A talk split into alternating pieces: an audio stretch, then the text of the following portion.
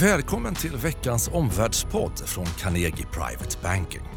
Omvärldsstrategerna Helena Haraldsson och Henrik von Sydow belyser tre händelser inom makro och politik som påverkar de finansiella marknaderna.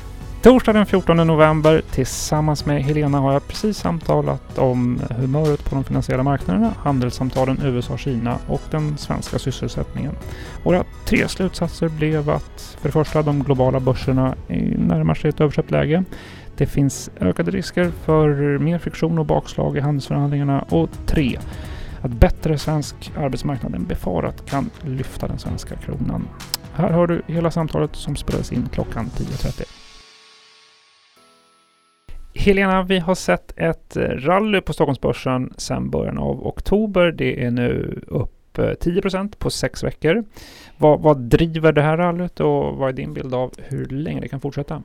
Ja, det enkla svaret det är ju fear of missing out, alltså att missa tåget nu när det politiska riskläget har minskat och makro inte längre försämras. Då ökar riskaptiten. Men det intressanta är att vi ser i investerarenkäter hur globala professionella investerare, alltså institutioner, har köpt aktier i ganska stor omfattning. Så andelen förvaltare med övervikt är nu det högsta på ett år.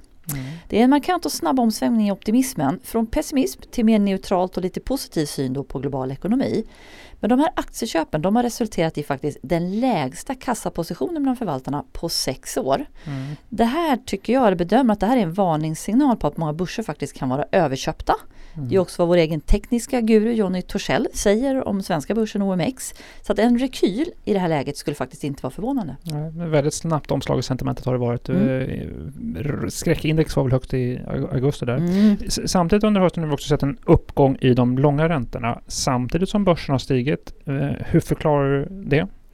Ja, det är en tydlig ränteuppgång i flera länder. Då. Det beror ju på det riskläget men också att Fed har tagit en paus.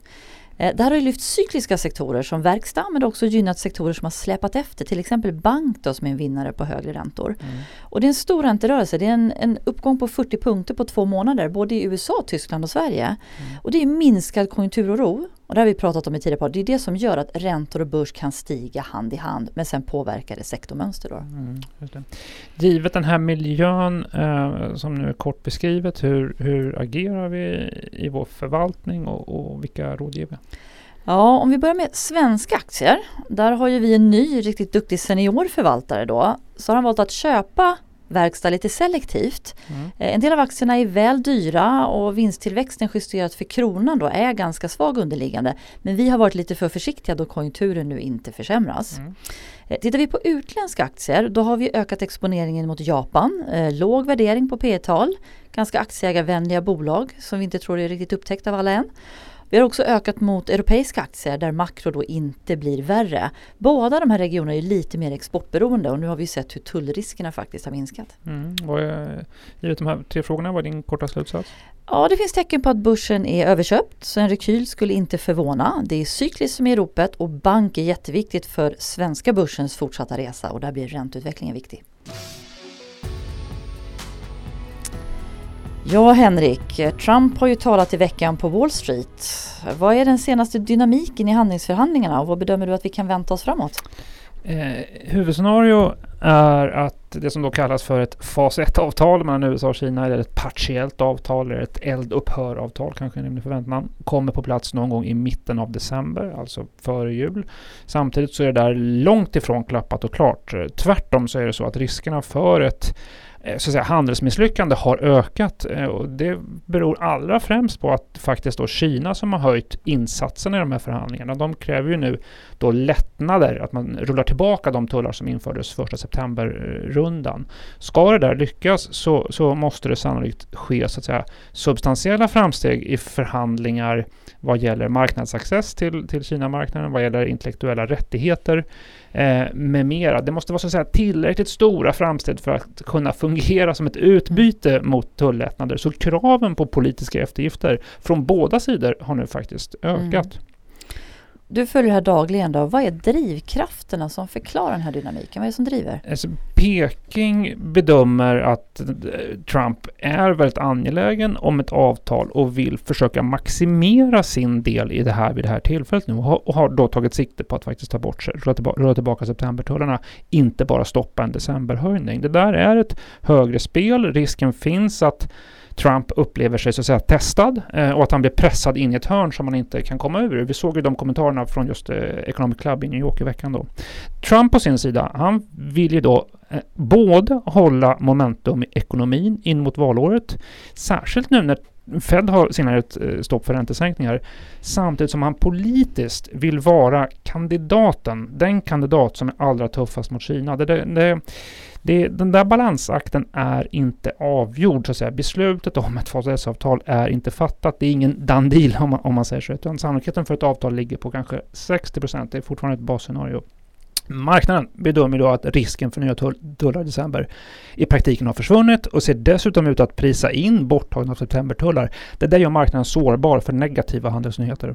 Eh, Henrik, processen påverkar ju marknadsläget men också nyhetsläget med mycket rapportering. Vilka bedömer du är bevakningspunkterna framåt? Tre stycken. Dels kolla på ett datum för ett undertecknande av ett avtal. Det är ett tydligt tecken på att förhandlingarna går framåt. Det andra är kolla på eh, händelser kring Huawei. Lättnader i exportrestriktioner och licensfrågor kopplade till Huawei är ett tydligt tecken på kinesiska eftergifter i förhandlingarna. Och det tredje, Trumps tone. Som sagt, eh, eh, eh, han, han, är ju som vi vet impulsiv och känslosiv.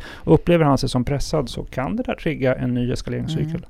Och den korta slutsatsen för investerare? Ja, vi ser ökade risker för friktion i handelsförhandlingarna samtidigt som marknaden är känslig för negativa nyheter. Tech och cykliska sektorn är särskilt sårbar.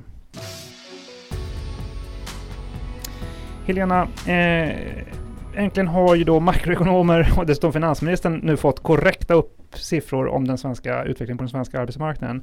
SCB upptäckte ju undermåligheter eh, i den underliggande data eh, som ledde till eh, korrigeringar och revideringar. Vad är din bild nu då efter uppgifterna i morse här? Hur ser trenden ut för jobben i Sverige? Ja, vi fick ju de här siffrorna precis för en timme sedan då, då men de visar en, en, högre sysselsättning än vad man tidigare har rapporterat. Men det hade de indikerat, men jag tycker ändå att det här var klart lugnande besked. Mm. Eh, över tid, eller om man tittar några kvartal bak, så är det knappt någon nedgång i sysselsättningen och mycket lite uppgång i arbetslösheten sedan i våras. Och i mm. oktober så fick tydligen fler jobb.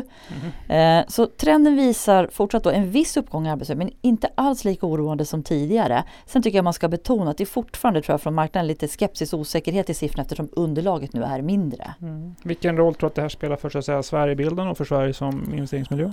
Ja, en sak tror jag att det här med offentliga upphandlingar det har sina utmaningar med priskvalitet och uppföljning. Men det är ganska stora revideringar från arbetslöshet på 7% till 6. Det är hela en procentenhet. Räknar man in säsongmönster så kanske runt en halv procent. Men om vi håller oss till investeringsperspektivet då så lägre siffror, alltså mindre konjunkturoro, det kan ju faktiskt stärka kronan. Vi såg en liten sån reaktion direkt på siffrorna. Eh, kan det ge mer budgetutrymme har varit en fråga. Jag tror inte det därför att Finansdepartementet har redan tidigare varit optimistiska och inte trott på någon sämre arbetsmarknad alls. Mm. Men jag skulle vilja påminna om tre faktorer när det gäller Sverigebilden ur makroperspektiv. Och den första är då att vi har en svag industribarometer och en svag tjänstebarometer. Mm. Det är inte många länder som har det. Vi ser hur anställningsplanerna minskar i olika enkäter. Och sen ser vi hur hushållen blir dystrare, både i traditionella undersökningar men spännande också med häromdagen, en färsk Stockholmsbarometer mm. från Handelskammaren. Eh, och då man tittar liksom bortanför centrala och halvcentrala förorter, då har Stockholmsbarometern den sämsta hushållsoptimismen sedan man började mäta 2010. Mm. Det var negativt på slutet här. Vad, mm. vad, är din, eh, vad blir din slutsats för investerare? Ja, den svenska arbetsmarknaden är starkare än befarat om vi kan lita på de här siffrorna. Samtidigt då så är consumer confidence svagt enligt de flesta barometrar. Men svenska börsen styrs av globala tillväxtutsikter och de försämras inte även om det är lite tidigt för stor optimism.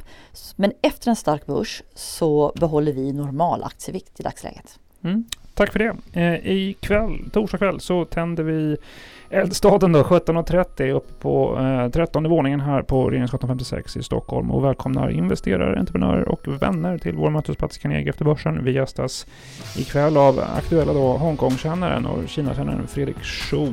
Eh, dessutom så kommer grundaren och entreprenören bakom nätapoteket eh, Meds på besök och eh, vår egen Jonny Torssell också på scenen. Kanske ses vi där. Tack för att du har lyssnat på Omvärldspodden idag. Tack för att du har lyssnat på Omvärldspodden från Carnegie Private Banking. Vill du veta mer om vad som händer i vår omvärld och få aktuella idéer till affärer?